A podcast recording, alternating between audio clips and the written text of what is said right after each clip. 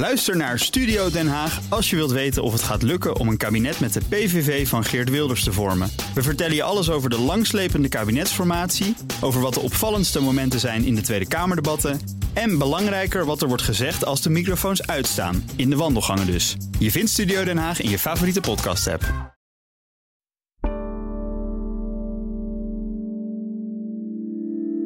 Je komt op een leeftijd dat je begint na te denken van ja, het bezit is aardig, maar het bezit uh, moet ik toch een keer overdragen of afstaan.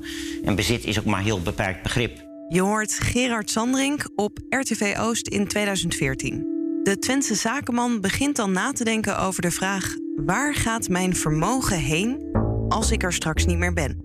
In 2018 heeft hij hele andere dingen aan zijn hoofd. Dan neemt zijn privéleven een verrassende wending.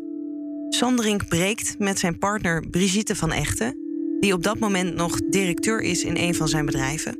Hij verdenkt haar van fraude. Zij ontkent dat. En de twee belanden in talloze rechtszaken. Wat nog meer de aandacht trekt, is de nieuwe vrouw in zijn leven. Zelfverklaard cyberexpert Rian van Rijbroek. Rian van Rijbroek, onze charlatan, heeft iets moois met Gerard Sandrink, deze man. En sindsdien doet Gerard Sandrink merkwaardige dingen. Die merkwaardige dingen gaan ook invloed hebben op zijn imperium. Als enige eigenaar van IT-bedrijf Centric en bouwbedrijf Structon heeft Gerard Sandrink alle touwtjes in handen. Hij zou zelfs ooit hebben gezegd: Het zijn mijn bedrijven. Het is mijn bezit. En wat ik met mijn bezit doe, al spoel ik het door de gootsteen, het is mijn keuze. Maar als je dan vervolgens iemand in je omgeving hebt die jou zo beïnvloedt, ja, dan krijgt die persoon dus ook heel veel invloed op jouw bedrijven. Met deze nieuwe relatie zet Gerard Sanderink een hoop op het spel. Grote klanten zijn bezorgd, mensen op belangrijke posten stappen op en zelfs de landelijke politiek maakt zich zorgen. Je denkt wel dat ik heel makkelijk kamervragen stel. Ik stel inderdaad best wel eens een keer een kamervraag. Maar ik heb heel lang geaarzeld om kamervragen te stellen over een bedrijf. En ik ben best wel over een grens heen gegaan. In Achtergesloten Deuren hoor je het verhaal van Gerard Sandrink. Hoe zijn bedrijven lijden onder de relaties van de excentrieke zakenman. Waarom twee van die bedrijven zich nu ook in de rechtszaal mengen in de veten met zijn ex. En welke toekomst zijn bedrijven nog hebben als hij er niet meer is. Ik ben Paulien Wuster en dit is aflevering 3. De bedrijven en de miljoenenerfenis.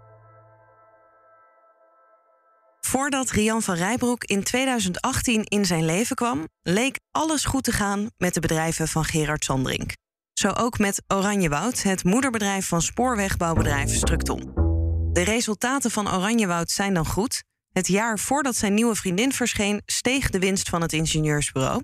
Zijn andere bedrijf, Centric, was voor veel gemeentes een onmisbaar onderdeel van hun IT. Ik heb eerder in, stukken wel uh, geschreven dat bepaalde applicaties bijvoorbeeld door 70% van de gemeentes gebruikt worden in aantal inwoners. Het is echt wel groot. Dus we kunnen eigenlijk niet zonder Centric. Ja, er zijn wel concurrenten. Uh, Pinkrokade bijvoorbeeld. Je hebt ook Main Capital, die allerlei kleinere bedrijven overgenomen heeft de afgelopen tijd. Dus er zijn wel alternatieven. Maar het is heel lastig om op het moment dat je eenmaal een bepaald computersysteem hebt, uh, om dan over te stappen naar iets anders. Zeker voor hele vitale processen zoals de belastinginning. Ja, daar wil je niet ineens voor overstappen naar een ander systeem. Dus het is eigenlijk heel moeilijk om er dan ook weer weg te komen. Dit is Stijn van Gils, tech-redacteur bij het FD. Samen met onderzoeksjournalist Joris Polman, die je net al even hoorde over Gerard Sandrink, houdt hij zich al jaren bezig met het wel en wee van de Twentse zakenman. Als Gerard Sandrink en Rian van Rijbroek elkaar ontmoeten, werkt de zelfbenoemd cyberexpert aan haar tweede boek, Unhacked. Haar eerste boek werd na haar optreden in Nieuwsuur uit de handel gehaald. Er zouden onjuistheden in hebben gestaan en zij en haar co-auteur, oud-minister Willem Vermeend, zouden ook nog eens plagiaat hebben gepleegd. Om een nieuw debakel te voorkomen, zet Gerard Sandrink alles op alles om haar tweede boek tot een succes te maken. En dat zorgt voor wrijving tussen hem en de toenmalig directeur van Centric, Karim Henkes. Hij is weggegaan op het moment dat de rechtszaken met de ex van Sanderink gingen spelen. En ja, zijn vertrek zou te maken hebben met het feit dat Rian van Rijbroek in het leven van Gerard Sanderink is gekomen. Je zegt hij zou, dat, dat weten we niet echt of dat zo is, maar het valt wel toevallig samen. Ja, eigenlijk, eigenlijk weten we dat min of meer wel.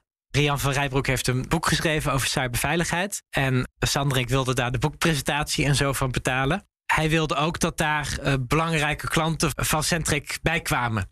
De CEO zou toen toegezegd hebben van ja, dat ga ik niet doen. Karim Henkes is niet de laatste die Centric zal verlaten. De komst van Rian van Rijbroek zorgt voor vraagtekens bij meer mensen binnen de top van Structon en met name Centric. Wat je ziet is dat, vooral bij Centric, is dat heel duidelijk over een periode van meerdere jaren eigenlijk een ontwikkeling geweest. Is dat dat bedrijf kundig werd geleid door allerlei managers die echt verstand hadden van zaken, maar die op een gegeven moment ongerust werden over in hun ogen toenemende invloed van Van Rijbroek op Sandrink. En dus ook indirect op een bedrijf als Centric. En omdat zij zich zo profileerde als IT-expert, daar ook mee in de media trad, kreeg je natuurlijk ook al snel dat er mensen een koppeling gingen leggen tussen Van Rijbroek en haar strapatsen en het degelijke IT-bedrijf Centric.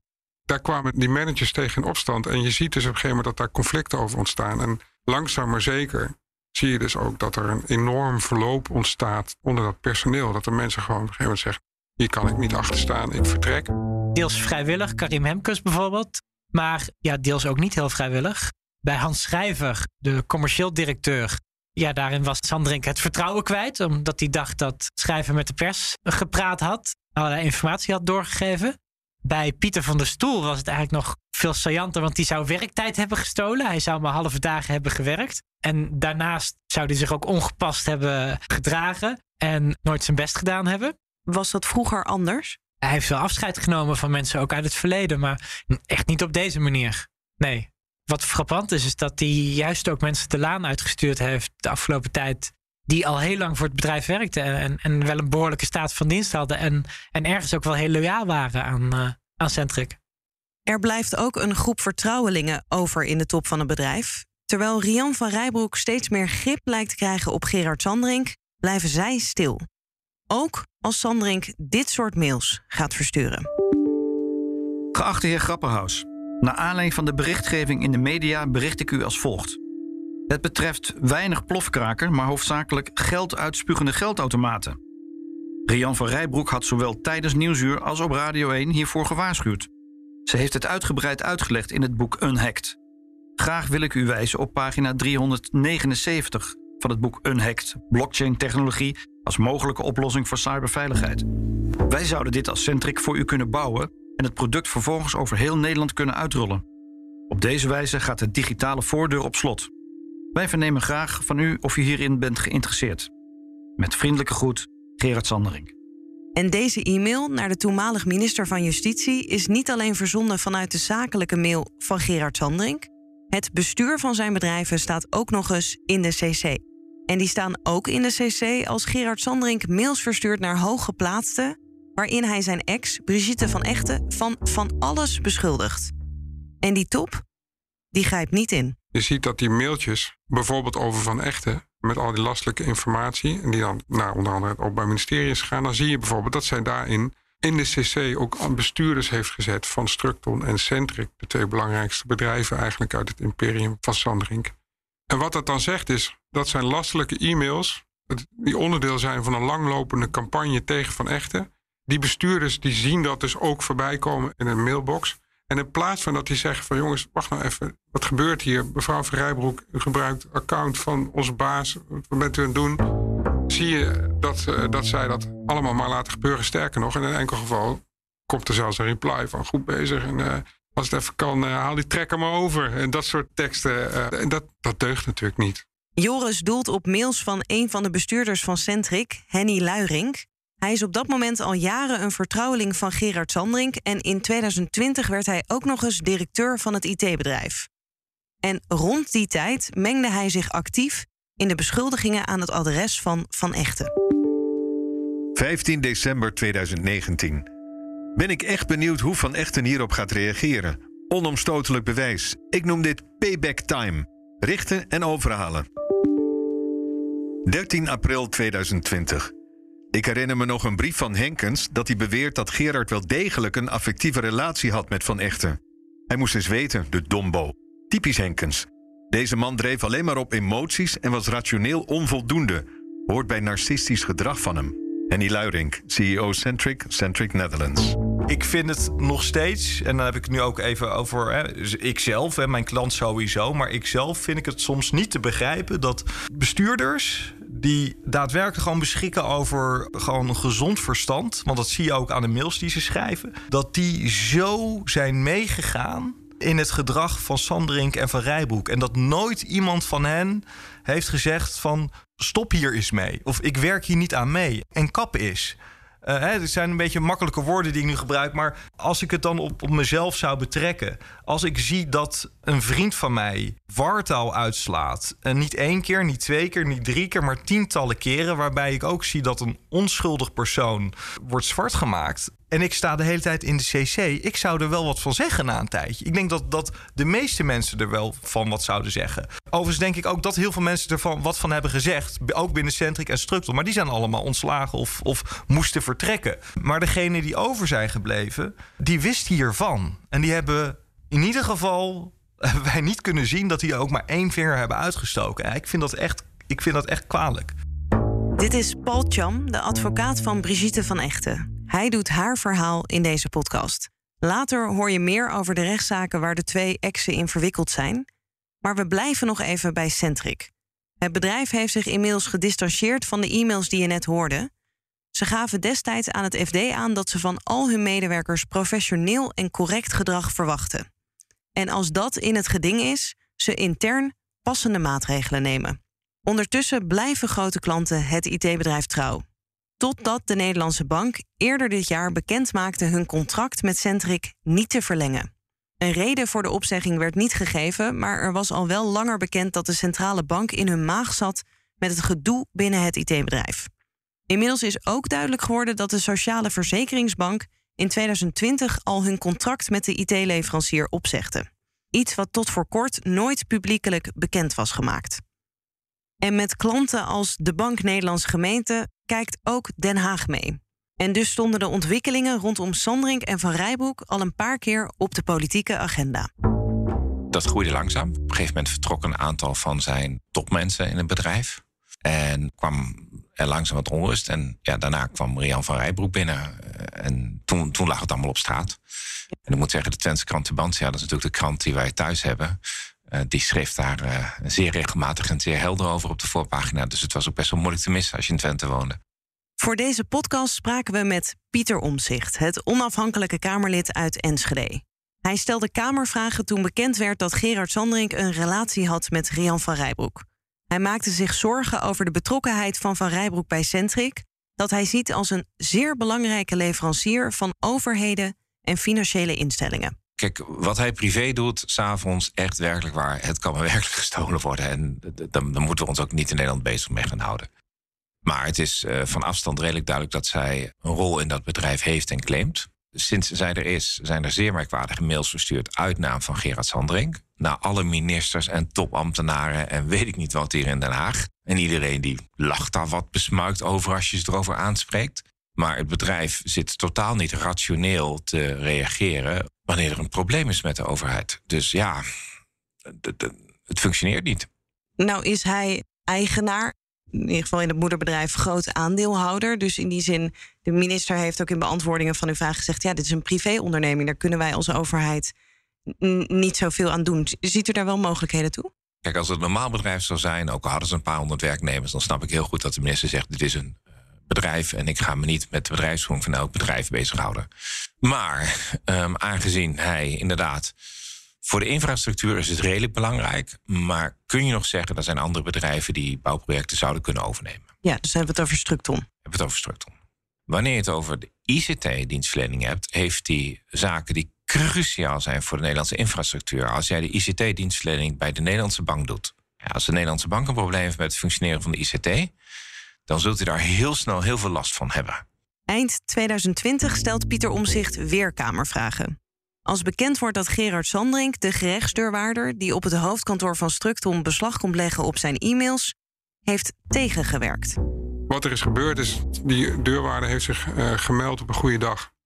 Sandrink was daar toen al, of was onderweg daarheen. In ieder geval er is een enorme scène ontstaan in dat kantoor. Waarbij Sandrink voor hem kenmerkende wijze in woede ontstak. En uh, nou, er allerlei dingen gezegd. En op een gegeven moment, die man heeft ook, is op een gegeven moment naar buiten gegaan... heeft de politie erbij moeten halen... om met bijstand van die agenten alsnog toegang te krijgen... tot het pand om zijn werk te kunnen doen. En als Sandrink op een gegeven moment een inspecteur bedreigt... en bewijsmateriaal vernietigt... Ja, dan gaan we toch echt wel over randjes heen... Uh, waar ook gewoon de commissaris moeten ingrijpen. Nou, je hebt heel lang gezien dat er nogal wat vakante posities waren in het bedrijf, in het bedrijf van Gerrit Sandring. Daar gaat mijn Kamervraag ook over.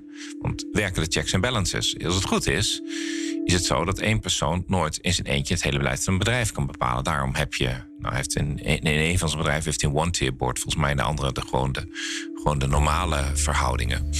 Maar dan, daar zit wel een minimum aantal mensen dat er moet zitten. En maandenlang was hij ongeveer de enige, of met z'n tweeën die aan het besturen was. En daar zit niet de checks en balances. En ik weet niet of de commissarissen die daar zitten eigenlijk zich wel voldoende realiseren dat zij ook een verantwoordelijkheid hebben voor uh, de evenwichtige belangenbehartiging. En uh, dat zij daar ook wel een verantwoordelijkheid hebben over of het bedrijf goed gerund wordt. De commissarissen van Sandringsbedrijven komen uiteindelijk in actie. Na de onrust die ontstaat over het handelen van Sandring tegenover de gerechtsdeurwaarder, dringen de commissarissen van Oranjewoud aan op zijn vertrek. En dus treedt Gerard Sandring formeel terug als bestuurder van het moederbedrijf van Structon. In het persbericht dat dan verschijnt, geeft Sandring aan dat hij hiermee rust wil creëren rond zijn bedrijven. Ik weet nog toen wij dat bericht maakten, van dat bekend was gemaakt, dat, dat hij afstand nam van het bestuur. En dus veel meer in de rol van aandeelhouder zou gaan zitten en minder in de directie, minder met de directie zou bemoeien. Een dag later zat, zat hij alweer op kantoor.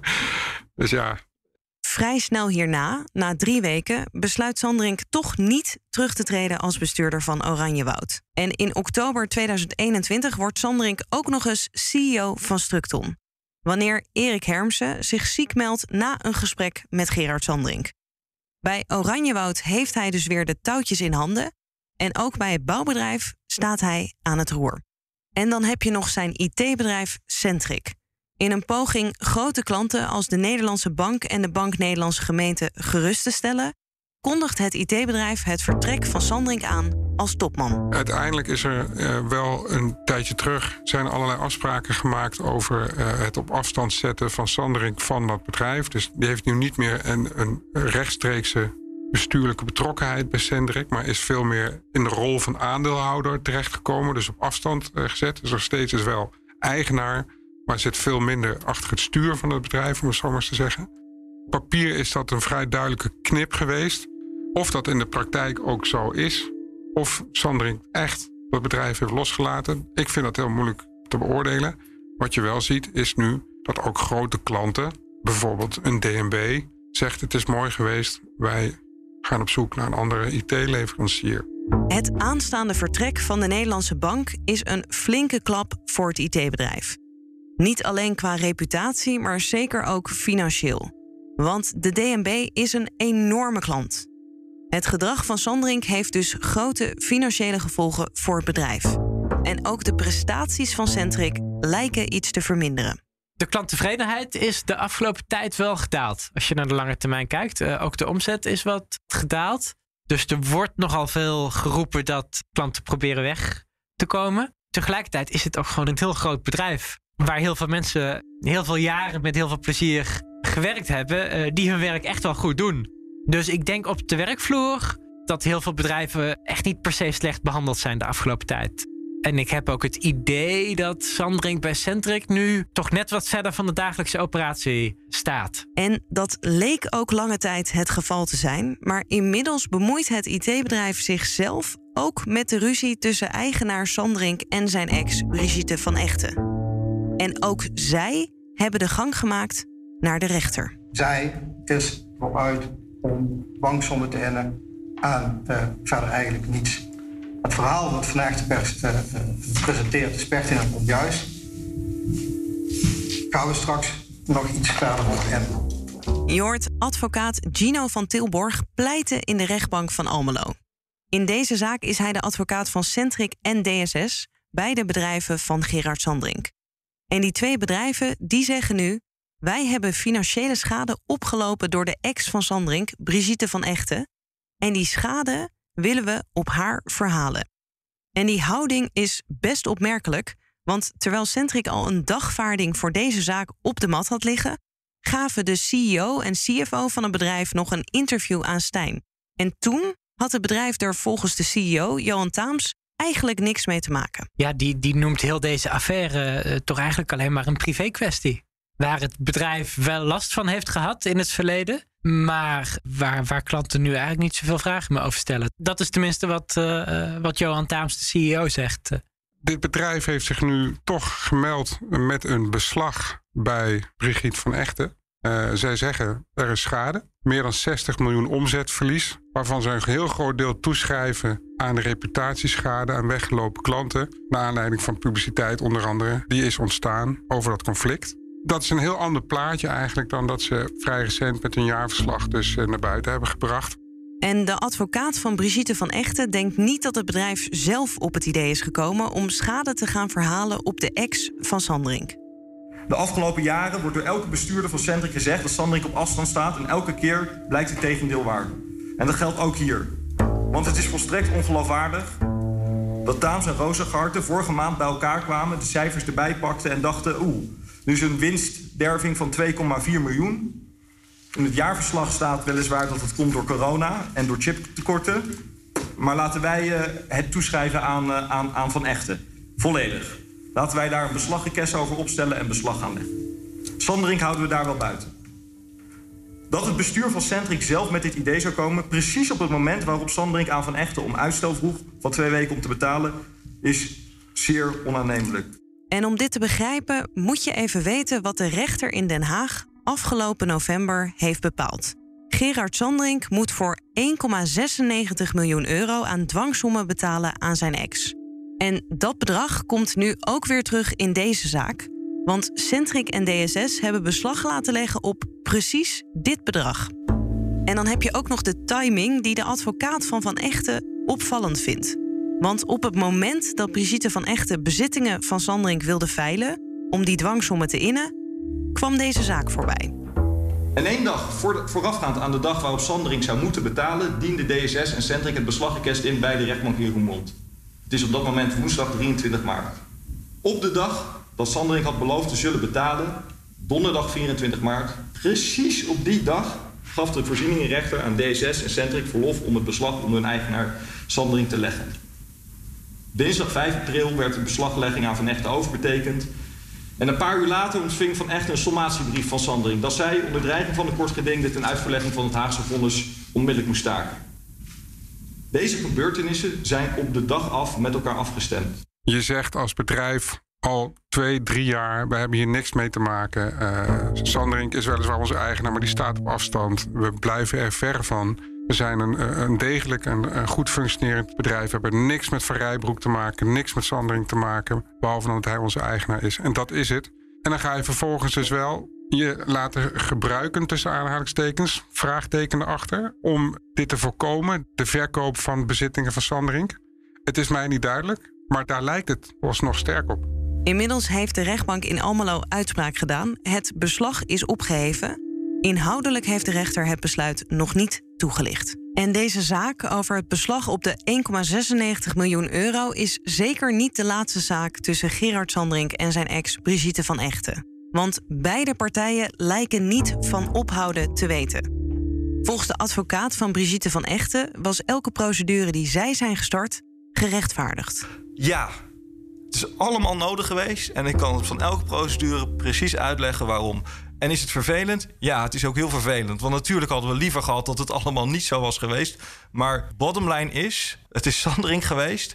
die deze beschuldigingen, uh, de volledige e-mailbox... alle persoonlijke zaken van, van mijn klant met de buitenwereld verspreidt. En het is mijn cliënt die zegt...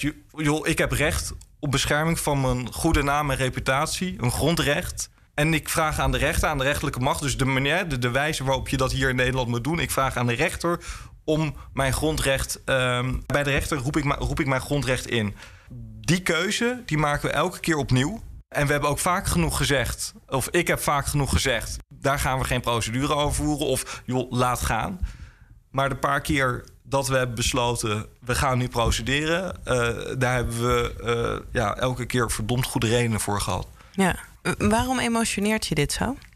Um, omdat ik deze vraag wel vaker krijg. En ik vind dat een vraag die ik makkelijk kan beantwoorden. Maar ik vind het altijd lastig om te zien dat iemand dat dan toch denkt van joh, van een afstandje van joh, is het allemaal wel nodig? Denk van hmm, nee, zo, zo, zo, zit het niet in elkaar. Dus daarom emotioneert het mij dan toch. En dan hangt er nog iets boven de markt. Wat gebeurt er met het vermogen van Gerard Sandring als hij er niet meer is? En wie staat er dan aan het roer bij zijn bedrijven? Gerard Sandring is volgens de laatste schattingen zo'n 550 miljoen euro waard. En we weten niet wat daarmee gaat gebeuren. Op mijn leeftijd denk je van god, ik wil toch nog een, laatste stap zetten. En um, misschien nog iets doen ook voor Twente. Want uiteindelijk als je, uh, ik kan niks meenemen van, van de bezittingen die ik heb. En waarom zou ik dingen ontwikkelen in het westen van het land en waarom niet in het oosten van het land? Of zelfs, hè, want we hebben ook een softwareploeg in, uh, in in Roemenië zitten. Waarom zou ik niet bij Twente dan dingen van de grond proberen te krijgen? Je hoort Gerard Sandring in gesprek met RTV Oost in 2017.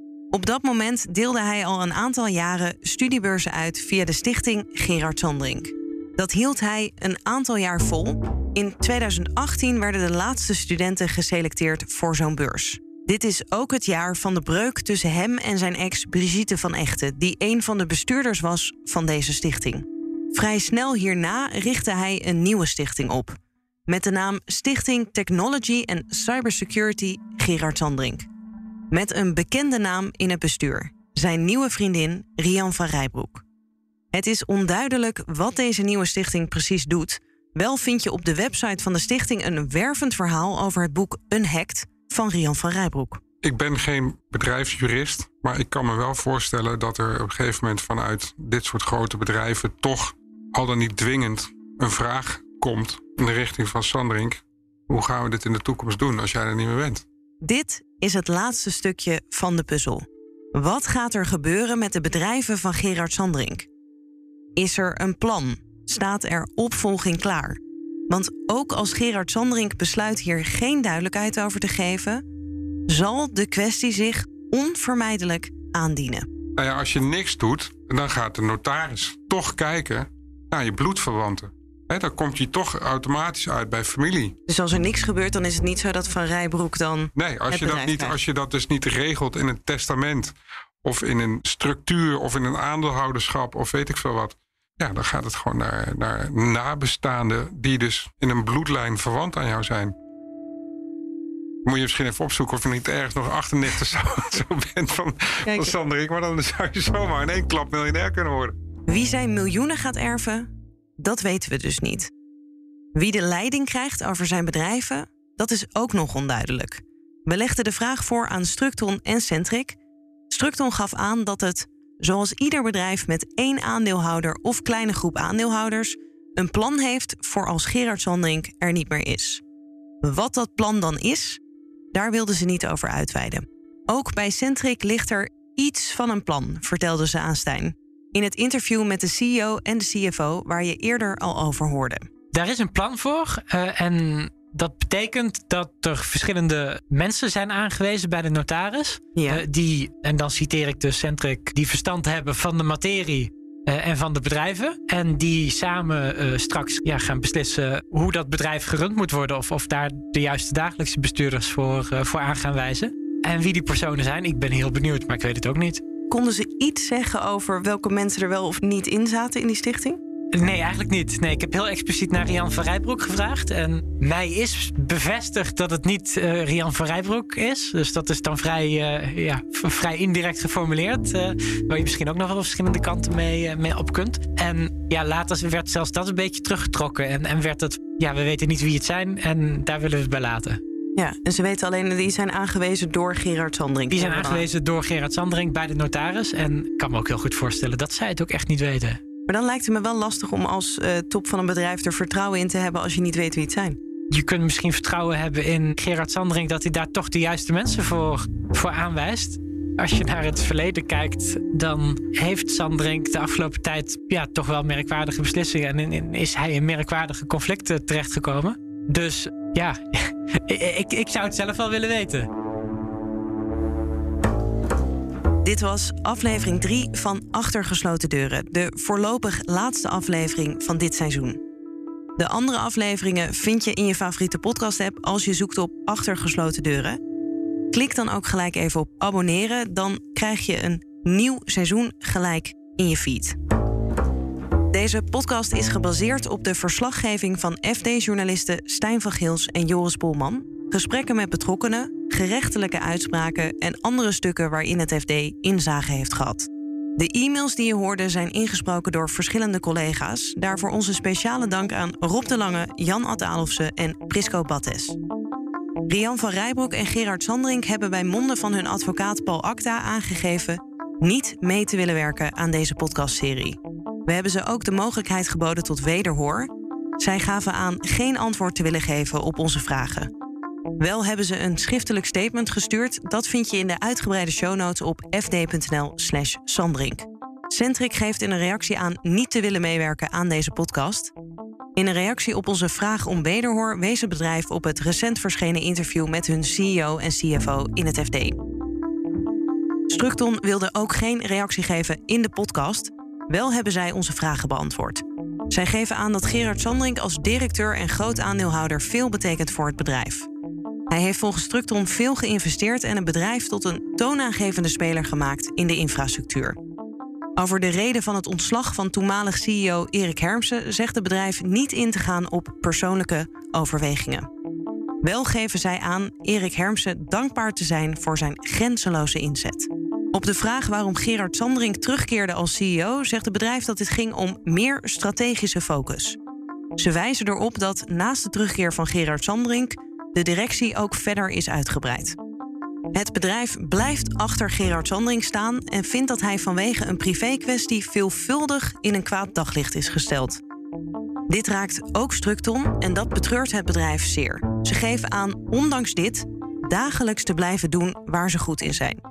Samen met opdrachtgevers en ketenpartners zorg dragen voor duurzame infrastructuur. Je vindt deze reacties en linkjes naar de belangrijkste artikelen die het FD heeft geschreven over Gerard Sandrink op fd.nl/slash Sandrink.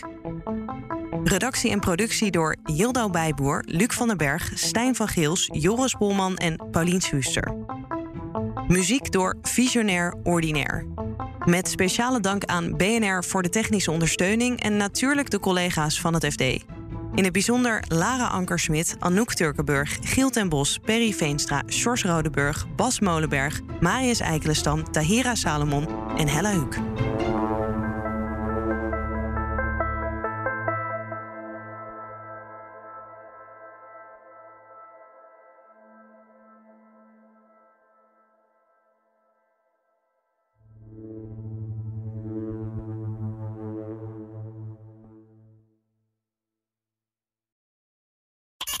Harm Edens vind je in de BNR-app. Je kunt BNR Duurzaam niet alleen live luisteren in de app, maar ook terugluisteren als podcast, zoals al onze podcasts. En naast dat de BNR-app Breaking News meldt, houden we je ook op de hoogte van het laatste zakelijke nieuws. Download nu de gratis BNR-app en blijf scherp.